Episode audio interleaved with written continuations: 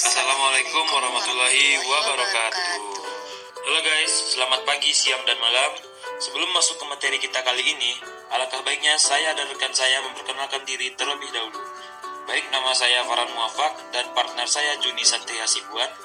Kami mahasiswa jurusan Ilmu Komunikasi di Universitas Andalas. Dan ini adalah podcast pertama kami. Halo guys, nama saya Joni Santri Hasibuan. Kali ini untuk beberapa menit ke depan, saya dan Farhan akan menemani Anda dan memberikan beberapa informasi mengenai teori interpersonal deception dalam tradisi sosiopsikologis yang dicetus oleh Judy Morgan dan David Buller. Kira-kira kamu tahu nggak nih Jun, apa yang dimaksud dengan teori interpersonal deception? Ya tau lah, itu kan bagian dari teori berkomunikasi yang di mana di dalam teori tersebut kita dituntut untuk. Berbohong gimana sih? Masa ada ilmu pengetahuan yang mengharuskan kita untuk berbohong? Ya adalah yang dimaksud berbohong di sini adalah bagaimana cara seseorang komunikator untuk memancing agar kebohongan yang dilakukan oleh seorang komunikan terbongkar dengan kebohongan juga.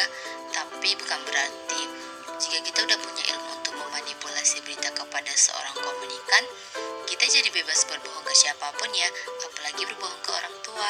Kualat ntar. Oh, kayaknya aku ngerti deh. Yang dimaksud bohong di teori ini tuh kayak gini kan. Misalnya nih, kita dalam kondisi menggali berita kepada seseorang yang telah melakukan tindak kriminal. Contohnya kita ngomong ini ke si pelaku pertama. Eh, kamu aku aja. Dari teman kamu pasti interogasi di sana udah ngaku kalau emang kamu dan teman-teman yang ngerampok di rumahnya Pak RT. Sekarang tinggal kamu yang belum ngaku.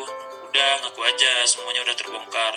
Terus si pelaku tadi membongkar kebohongannya dan memberitahukan bahwa benar dia dan teman-temannya lah yang melakukan tindak kriminal tersebut. Padahal teman-temannya tadi sebenarnya belum ada satupun yang ngaku. Efektif kan caranya? Nah gimana Jun? Bener gak nih contoh yang udah aku kasih? Bener banget Tuhan. Jadi teori ini bukan sekedar berbohong buat mendapatkan rasa aman ke diri sendiri ya guys. Tapi buat cewek-cewek yang sering dibohong cowoknya, boleh juga nih pakai teori ini buat ngebongkar kebohongan yang cowok kalian udah lakuin. Bener juga tuh John.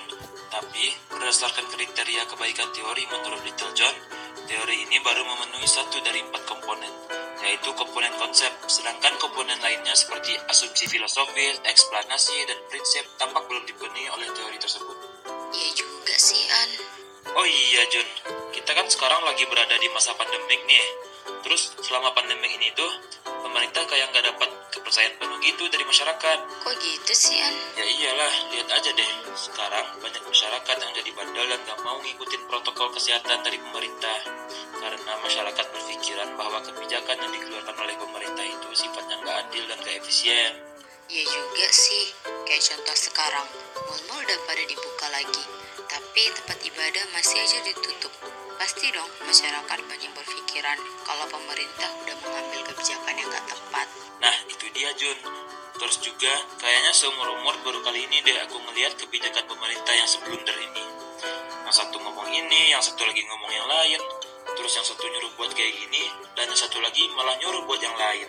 Hmm, mungkin blundernya kebijakan pemerintah kita saat ini karena emang Indonesia lagi banyak ditimpa musibah deh An. Makanya tuh pemerintah jadi kebingungan buat ngambil tindakan.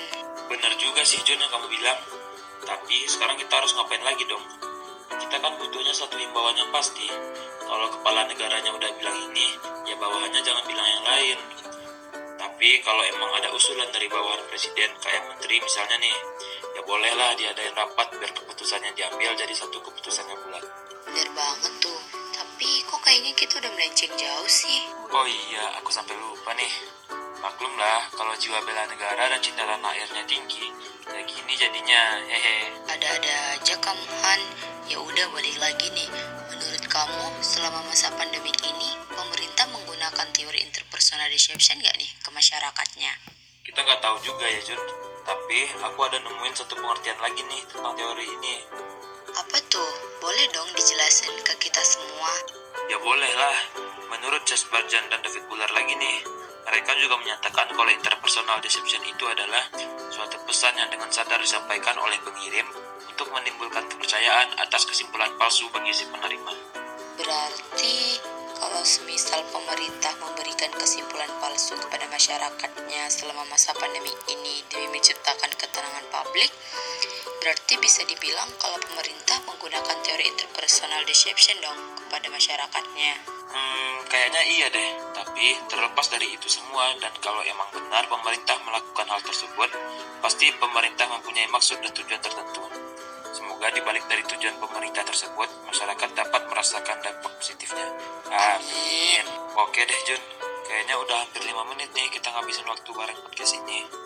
Ya juga, nggak kerasa aja ya, karena tadi kamu yang ngebuka, sekarang kamu lagi deh yang nutup. Oke, sebelumnya terima kasih nih buat yang udah setia dengerin podcast kita dari awal tadi. Maaf kalau mungkin saya atau Juni ada kata-kata yang salah. Tetap jaga keselamatan dan patuhi protokol kesehatan dari pemerintah. Bantu tenaga medis kita untuk melawan pandemi COVID-19 ini. Karena kalau bersama kita pasti bisa.